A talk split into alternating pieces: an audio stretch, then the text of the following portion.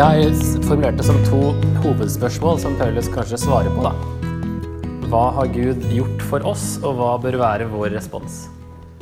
Eh, og det vil jo si at det handler om eh, teori og praksis, på en måte. Hva har Gud gjort for oss? Det er teori, eller teologi, eventuelt.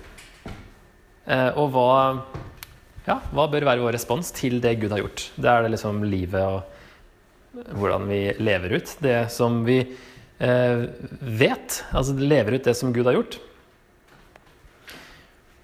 Og eh,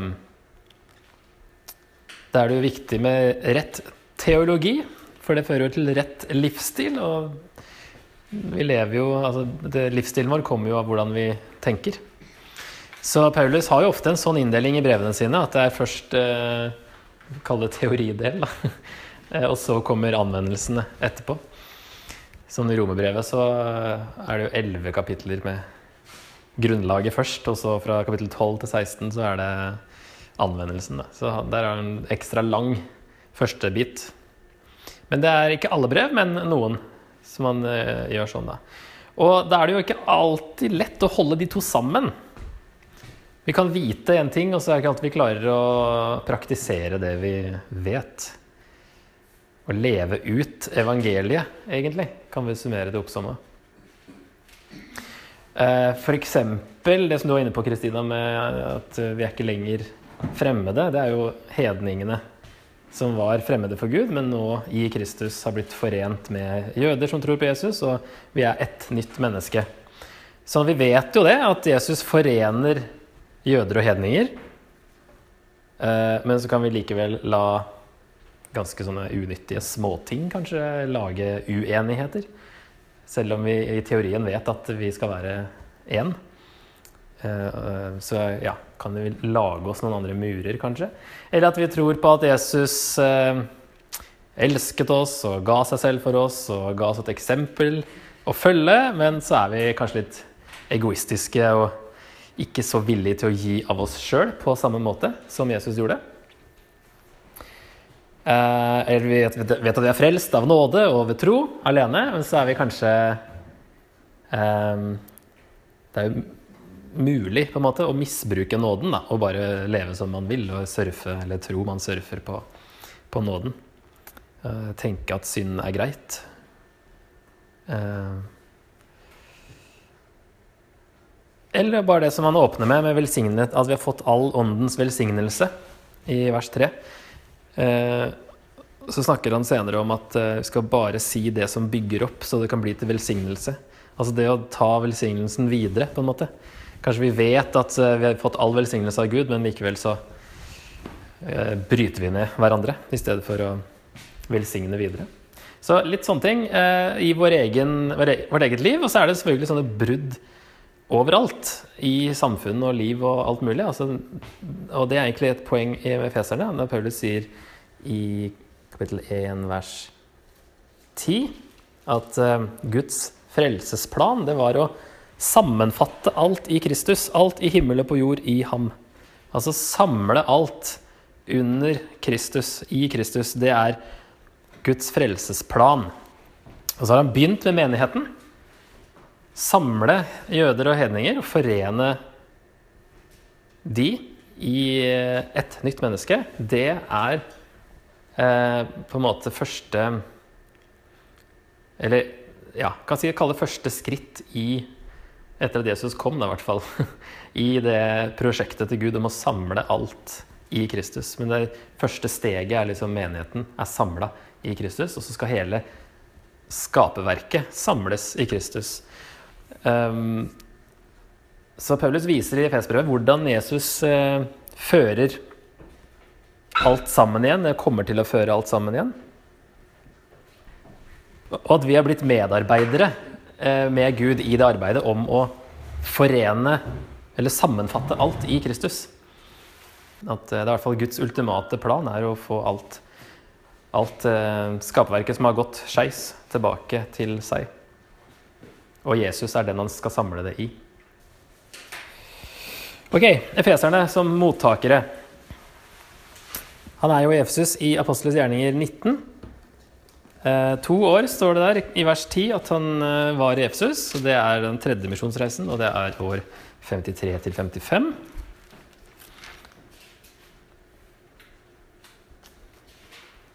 Og så står det der at, eh, at alle som bodde i Asia, det ville som sagt tidligere, tror jeg, den romerske provinsen Asia, ikke vårt Asia i dag, men også en del av Tyrkia. Eh, alle som bodde i Asia, fikk høre Herrens ord, og både jøder og grekere. Så vi vet at menigheten består av både jøder og grekere, som var jo ganske vanlig i alle menighetene. Det bodde jo jøder over hele Romerriket.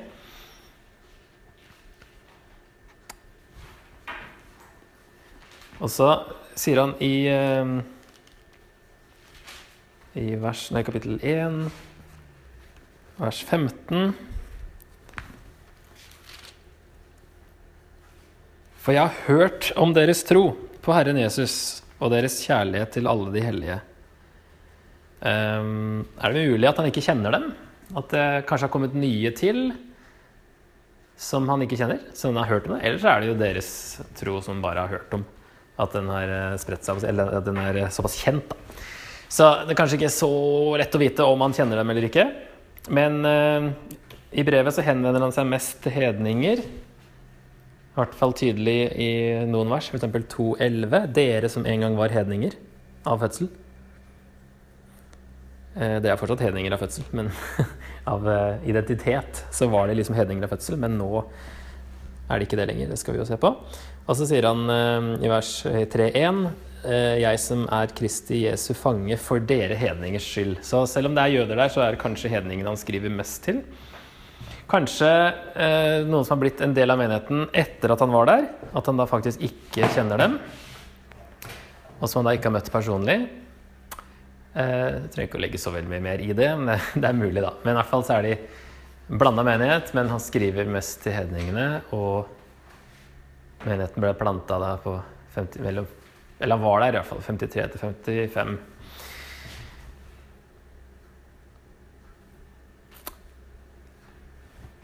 Um, det er jo en del sånn uh, snakk om kraft og himmelrommet og ånder og makter og sånne ting i FS-brevet. Og det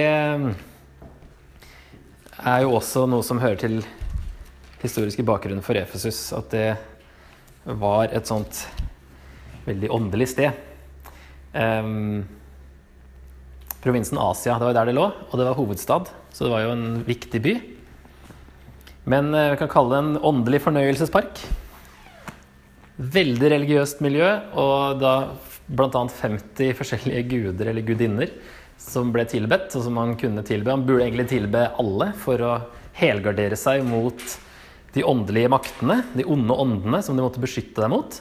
Og da var det en god måte å gjøre det på, var å få en gud på sin side, som da kunne beskytte deg. Så var det keiserkult, altså man kunne tilbe keiseren.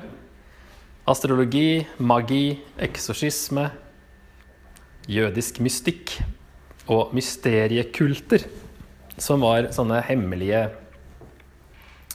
kulter eh, der man gikk gjennom Eh, altså Gjennom ritualer så kunne man oppnå en dypere relasjon med en gud og få åndelig kraft og innsikt. Så Det er ord, sånn ord som nok ligger bak mye av det Paulus snakker om. Han snakker både om mysteriet i kapittel 3, og han snakker om, mye om kraft og, og åndelige ting. Og innsikt òg, faktisk. Eh, når han ber for dem i kapittel 1, i hvert fall. Så det var masse. Det er liksom en helt annen situasjon enn i sånn uh, avskrelt religiøst Norge. Der de ikke tenker på sånn i det hele tatt. Her var det veldig vanlig å gå og være redd for onde ånder. Og de som var blitt kristne, var fortsatt litt redd for de onde åndene, virker det som. De var ikke sikre på om Jesus var uh, sterkest. Får vi litt inntrykk av fra brevet, i hvert fall. Og et eh, godt sted å gå for å få litt mer bakgrunn er jo nettopp Apostelens gjerninger 19, da Paulus er der. Så det lønner seg alltid å se på hva som skjer når eh, Paulus er på et sted der han senere skriver et brev til. Så um, Vi kan ta fra um, fra vers 8. Eh, han gikk til synagogen, altså kapittel 19, vers 8 i gjerninger, og talte fritt og åpent der i tre måneder. Han førte samtaler med folk og overbeviste dem om det som har med Guds rike å gjøre. Noen gjorde seg harde og ville ikke tro, men snakket nedsettende om veien mens alle hørte på. Da brøt Paulus med dem og holdt disiplene borte fra dem, og siden ga han hver dag undervisning i skolen til Tyrannos. Dette fortsatte han med i to år, slik at alle som bodde i Asia, fikk høre Herrens ord, både jøder og grekere. Gud gjorde helt uvanlige under ved Paulus' hender. Det hendte til og med at folk tok tørklær og arbeidstøy som han hadde hatt på seg, og la på de syke. Da slapp sykdommen taket, og de onde åndene for ut av dem. Noen omreisende jødiske åndemanere forsøkte også å si frem Herren Jesu navn over dem som hadde onde ånder i seg, og sa, Jeg besverger dere ved den Jesus som Paulus forkynner. Det var sju sønner av den jødiske overpresten Skevas som drev på med dette. Men den onde ånden svarte dem, Jesus kjenner jeg, og jeg vet hvem Paulus er, men hvem er dere? Mannen som hadde den onde ånden i seg, for løs på dem, overmannet dem alle og slo dem til blods, så de rømte ut av huset nakne og forslåtte. Dette ble kjent blant alle som bodde i Efesus, både jøder og grekere, så det kom frykt over alle, og Herren Jesu navn ble lovprist. Mange av dem som var blitt troende, kom for å bekjenne og fortelle hva de hadde gjort. Og ikke så få av dem som hadde drevet med svartekunster, kom med bøkene sine og brente dem mens alle så på. Verdien av dem ble regnet ut og ble til sammen 50 000 sølvpenger. Slik fikk Herren fremgang og styrke ved Herren. Ordet fikk fremgang og styrke ved Herrens makt. 50 000 sølvpenger tilsvarer faktisk eh, så mye som kanskje 250 millioner kroner i dag. Basert på årslønn og sånn, da. Så det her var jo enorm sum. Eh, som eh, verdien av disse magibøkene sine, svarte kunster, som de brente når de da Altså, det var eh, folk som Mange av dem som var blitt troende, kom for å bekjenne og fortelle hva de hadde gjort. De hadde fortsatt med magi, selv om de hadde blitt kristne. Men nå skjønte de at det trenger vi ikke. Jesus er eh, sterkest. Jesus er nok. Og de blir eh, De brenner disse bøkene, som da var ganske mange bøker. Eh, og så er det kanskje noen som fortsatt trenger litt undervisning om dette her, som gjør at Paulus må skrive brevet, eller så er det noen som har kommet til menigheten etter dette her, som er vant til å tenke på samme måten, at vi trenger magi likevel. Vi må forsikre oss litt mer. Jesus er ikke nok.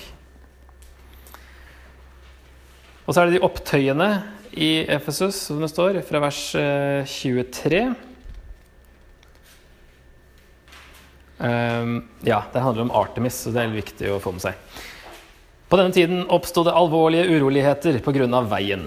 En sølvsmed ved navn Demetrios laget Artemis-templer i sølv, altså miniatyrutgaver da, av tempelet som de hadde i Efesus, og skaffet håndverkerne, håndverkerne gode inntekter. Han kalte sammen disse og de arbeiderne som drev med lignende ting, og sa Godt folk, dere vet at vår velstand kommer fra dette arbeidet, men nå ser og hører dere selv at ikke bare her i Efesus, men nesten over hele Asia har denne Paulus overtalt og villedet store folkemasser når han sier at guder som er laget av menneskehender, ikke er guder. Det er fare for at yrket vårt får dårlige ord på seg. Verre er det at tempelet til vår store gudinne Artemis kan bli regnet som lite og ingenting, og hun som hele Asia og hele verden dyrker, kan miste sin høye rang og verdighet. De ble rasende da de hørte dette, og satte i å rope:" Stor er efesernes Artemis! Uroen bredte seg over hele byen, og alle som en stormet av sted til teatret og slepte med seg de to makedonerne Gaius og Aristarkos, som var i reisefølget til Paulus. Paulus, selv, eh, Paulus ville selv gå inn i folkemassen, men disiplene hindret ham i det. Noen av provinsens høyeste embetsmenn, som var hans venner, sendte også bud til ham at han ikke måtte våge seg inn i teatret. Forsamlingen var nå i fullt opprør. De ropte og skrek i munnen på hverandre, og de fleste visste ikke engang hvorfor de var kommet sammen. Jødene skjøv fram en mann som het Alexander, og noen fra mengden forklarte saken for ham. Stakkars fyr. liksom dytta fram og, og, så forklart saken. Alexander ga tegn med hånden til at han ville holde en forsvarstale til folket. Men da de skjønte at han var jøde, skrek de alle i kor i to samfulle timer. Stor er efesernes Artemis. Byskriveren klarte endelig å få ro i folkemassen og sa efesere, vet ikke alle mennesker at efesernes by er tempelvokter for den store Artemis og steinen som er kommet ned fra himmelen. Dette kan ingen benekte, og derfor bør dere nå være rolige og ikke gjøre noe overilt. For dere har ført hit disse mennene, som verken er tempelrøvere eller har hånt vår gudinne. Hvis Demetrios og håndverkerne hans vil reise sak mot noen, så finnes det rettsmøter, og vi har guvernører. La dem anklage hverandre der. Har dere andre stridsspørsmål, skal den lovlige folkeforsamlingen avgjøre saken. For vi risikerer å bli anklaget for opprør etter det som har hendt i dag, og vi har ingenting å vise til når vi kreves til regnskap for dette oppstyret. Med disse ordene fikk han løst opp forsamlingen. Ja, meget bra sagt på slutten der av byskriveren, som var ganske jordnær og saklig. Men her viser litt alvoret da, med å Du bøller ikke med Artemis liksom, i Efesus. Det var byens stolthet. Og eh, de hadde jo dette tempelet som var eh, eh, faktisk et, et, av verdens sju underverker i, på den tida. Eh, ja, så den åndelige kommer mer til Artemis etterpå. Men den åndelige tank tankegangen da, jeg trodde at alle områder av dagliglivet var under innflytelse av ulike ånder, og de måtte da prøve å sikre seg mot dem ved å oppnå, velsign å oppnå velsignelser i åndeverdenen, f.eks. å få gudene på sin side som beskyttelse, eller ved magiske ritualer. Så det var en sånn konstant greie, dette med å beskytte seg mot de onde åndene. Så har vi en liste her over guder som ble tilbedt. Eh, blant annet, da. Det er mange vi ikke har hørt om, tror jeg, men Artemis er jo den viktigste. Altså Apollo, Afrodite har vi sikkert hørt om. Athena. Dionysus. Kybele var en uh, ganske viktig en. Nemesis, Pan, Pluto, Poseidon. Mange av de greske gudene. Og Sevs. Så, men eh, det er derfor De hadde forskjellige områder de liksom var guder for. Så man måtte da finne deg gud som, der du trengte beskyttelse, og så måtte du få, prøve å få den på din side ved å ofre og manipulere. Man kunne manipulere gudene sine. da. Det, det kan man jo ikke med den uh, vår gud. Som er jo en stor forskjell fra hedensk religion.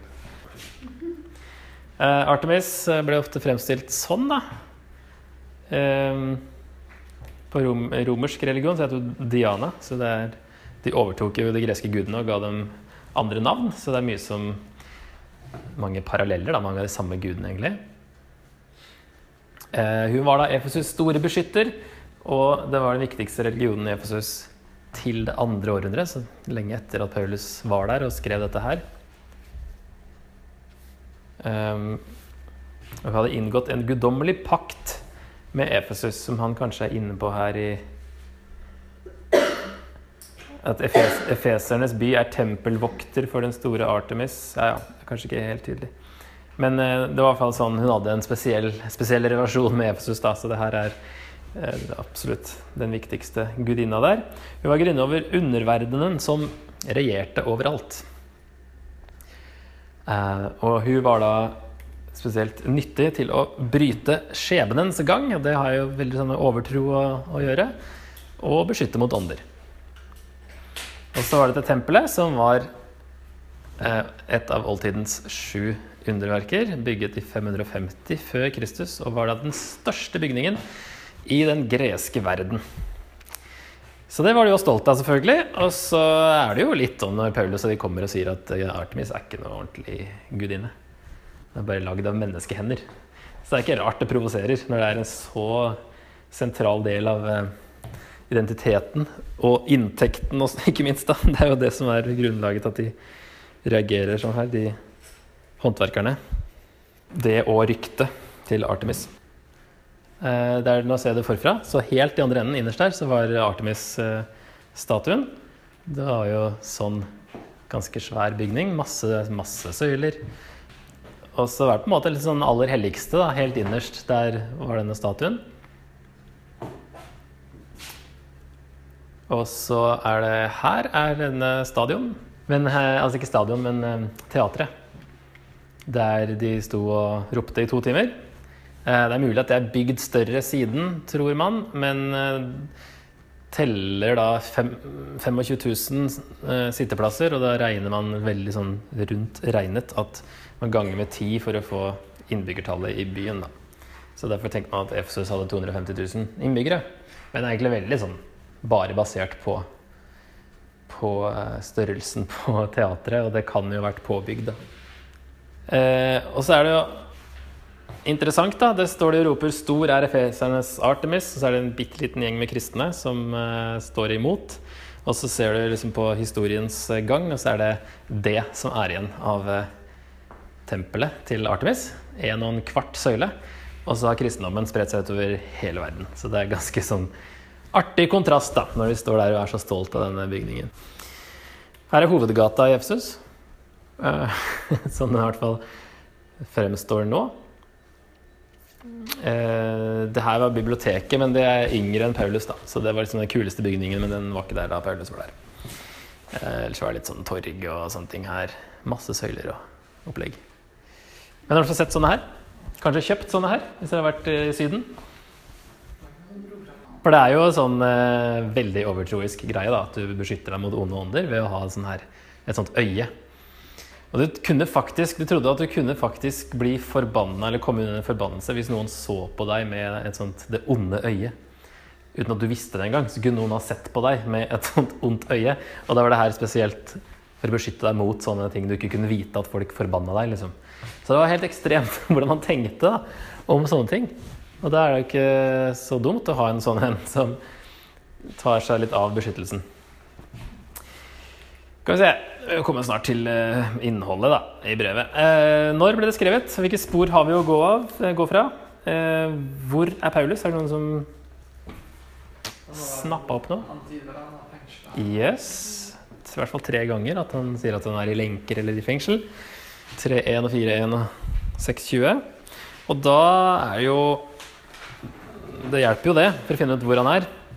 Tradisjonelt så mener man at han er i Roma, at det er de to siste versene av apostelens gjerninger da, som, eh, der det står at han var to år i denne husarresten. Og da i så fall så er det år 60 til 62.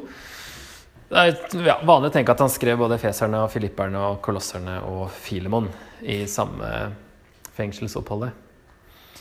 Eh, alternativt så var han jo i fengsel tidligere apostelens gjerninger, i Cesarea, der han var egentlig fram og tilbake med rettssak og var framme og forsvarte seg for de forskjellige Festus og Felix og kong Agrippa og sånne ting, før han drar til Roma.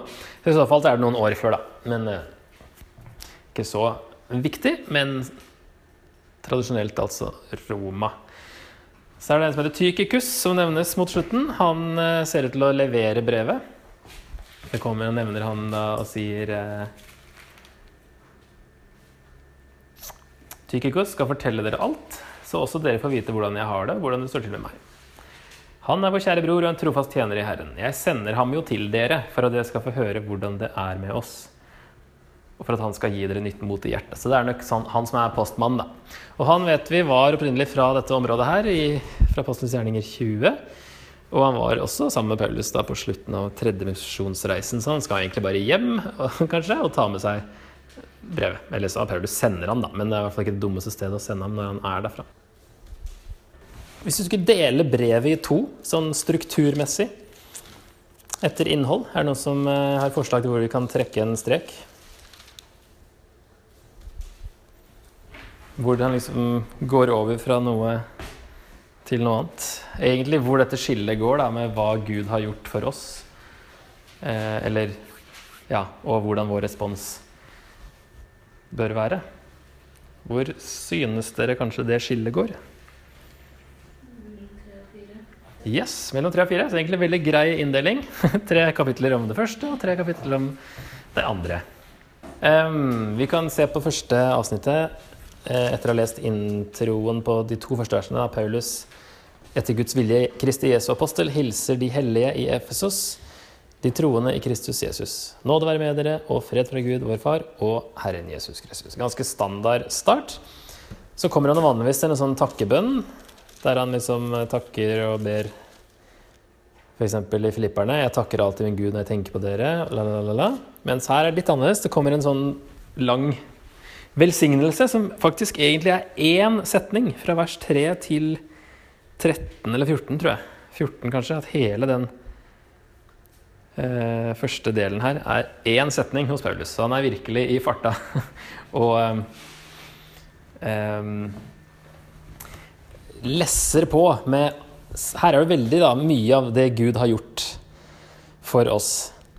Velsignet er Gud, vår Herre Jesu Kristi Far, Han som i Kristus har velsignet oss med all åndens velsignelse i himmelen. I Kristus utvalgte han oss før verdens grunnvoll ble lagt, til å stå for hans ansikt, hellige og uten feil. I kjærlighet etter sin egen gode vilje avgjorde han på forhånd at vi skulle få rett til å være hans barn ved Jesus Kristus, til lov og pris for hans herlighet og nåde, han som oss med som han overøste oss med i ham som han elsker så høyt. I ham har vi friheten, kjøpt med hans blod. Tilgivelse for syndene. Så rik er Guds nåde som han har latt strømme over oss med all visdom og forstand, da han kunngjorde for oss sin viljes mysterium, det han gjerne ville gjøre i ham. Han ville fullføre sin frelsesplan i tidens fylde og sammenfatte alt i Kristus, alt i himmel og på jord, i ham. I ham har også vi blitt arvinger, vi som på forhånd har bestemt det, etter Guds forsett, han som gjennomfører alt etter sin egen plan og vilje. Slik skulle vi være til lov og pris for Hans herlighet, vi som alt nå har satt vårt håp til Kristus. I ham kom også dere til tro da dere hørte sannhetens ord, evangeliet om deres frelse. I ham ble dere merket med seilet, Den hellige ånd som var lovet oss. Han som er pantet på vår arv, inntil Guds eget folk blir satt fri til lov og pris for Hans herlighet. Én lang setning. er det noen som eh, eh oppdaga et eh, uttrykk som går igjen ganske mange ganger her. Ja, ja. Paulus eh, på gresk så er det én setning. Det er det jeg mener. Her er det masse punktum. Det står liksom i ham. Ja. I ham og i Kristus er noe han eh, Og ved Jesus også da, for så vidt en der. I Kristus har han velsignet oss med all åndens velsignelse. I Kristus utvalgte han oss til å stå for hans ansikt, hellig og uten feil. Og fått rett til å være hans barn ved Jesus Kristus. Og han har overøst oss med nåde i ham. Og i ham har vi friheten, tilgivelse for syndene så kommer dette med mysteriet og Guds vilje, som han vil gjøre i ham. Fullføre sin frelsesplan i tidens fylde og sammenfatte alt i Kristus. Alt i himmel og på jord i ham. Og så litt tilbake igjen til hva vi har. I ham er også vi blitt arvinger. I ham kom også dere til tro. I ham ble dere merket med seilet Den hellige ånd. Så det er eh, Paulus er veldig eh, han eh, tar av på det, altså hvor mye vi har i Jesus. Så vi setter det på en liste, så kan vi jo se sånn ut. Og da kan kanskje den første, det at vi er velsignet med all åndens velsignelse, kan kanskje fungere som en overskrift. Og så forklarer han mer eh, hvilke velsignelser det er snakk om. Vi står hellige foran ham, rett til å være hans barn, overøst med nåde, frihet, tilgivelse for syndene, arvinger, kom til tro og fått Den hellige ånd. Eh, og hvis vi tenker på efeserne, hvordan var de vant til å tenke om velsignelser? Åndelige velsignelser. Hvordan vil dette her spille inn i deres eh, hode og hjerte? Hvordan var de vant til å tenke om sånne åndelige velsignelser?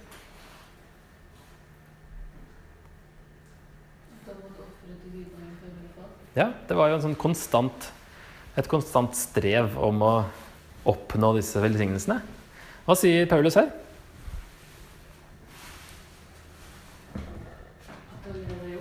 Ja, de har allerede all åndens velsignelse. Har de fått. Og ikke et ord her om at vi må mase på Gud om å få disse velsignelsene. At vi, liksom, han, han, vi, har dem potensielt. Det er litt sånn teologi på det noen ganger. Men her vi har fått alt i Jesus. All åndens, eller all åndelig velsignelse. Det er forskjellige oversettelser. Så her han begynner jo med identiteten, hele grunnlaget og Eh, identiteten til efeserne og vår da, bør jo være i Kristus. Eh, det her legger et grunnlag. Og at vi har fått alt det her bare pga. nåde, og at det her er liksom utgangspunktet. Som eh, nok gjorde inntrykk på efeserne, og som bør gjøre inntrykk på oss også, når vi setter opp kanskje som en liste og ser alt vi har fått. Bare fordi Gud hadde lyst. Og at det er bare i Jesus. Det er bare i Jesus det her fins. Så da vil jo perspektivet bli skjerpa litt hos efeserne og hos oss òg. Men eh, spesielt de da, som er vant til å ha liksom Jesus pluss litt sånn forsikring andre steder. Men så sier Paulus at dere har alt dere trenger av åndelig velsignelse allerede bare fordi dere tror.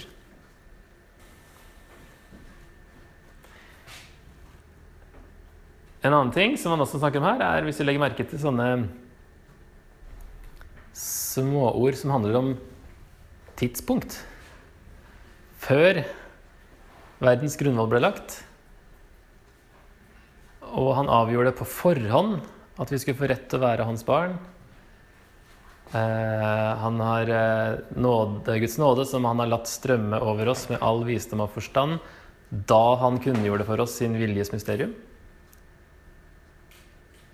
Og så vil han fullføre sin frelsesplan i tidens fylde. Og vi som på forhånd har bestemt til det, til å bli arvinger Vi som alt nå har satt vårt håp til Kristus. Og i ham kom dere også til tro da dere hørte sannhetens ord, og han som pantet på vår arv, inntil Guds eget folk ble satt fri. Men fortsatt så er jo ikke definert hva han mener med utvalgt. da, Og det er jo det som er der man kan lande på to tolkninger uansett. At ikke, noen mener det betyr personlig utvalgt, eller andre mener at det betyr eh, at Gud hadde en plan om å utvelge i Kristus. Og de som tror, er på en måte utvalgt fordi de tror. Det kan vi kanskje ta senere. Men eh, de ble i hvert fall utvalgt før verdens grunnhold ble lagt. Gud hadde i hvert fall en plan helt fra starten og bestemte på forhånd at de skulle få rett til å være Guds barn osv. Og, det her var jo mest hedninger han skriver til. Og det er jo litt sånn interessant at han sier det til hedninger. Han har hele tiden holdt på med jøder i hele Gamletestamentet. Og så sier Paulus at Gud har helt fra starten av også tenkt på dere. Og det er jo oppmuntrende for stakkars oss hedninger, som av og til kan få inntrykk av at vi er liksom eh, eh plan B når jødene avviste så ok, da tar vi hedningen. Da kan dere få sjansen. Men Gud har hele tida fra starten hatt oss også da, i, i tankene. Og det ville òg påvirke deres skjebnetro og frykt for åndeverden at Gud helt fra starten av har, eh, har uh, hatt en plan, og det er ikke skjebnen som har ført til at ting har gått som det har gått. Og at de fikk Den hellige ånd. Det er også oppmuntrende, tenker jeg. Da de kom til tro, fikk dere Guds egen ånd. Midt i det her åndelige kaoset dere står i, så har dere faktisk en kraftkilde um, inni dere. Som han fortsetter med utover i videre kapittel 1.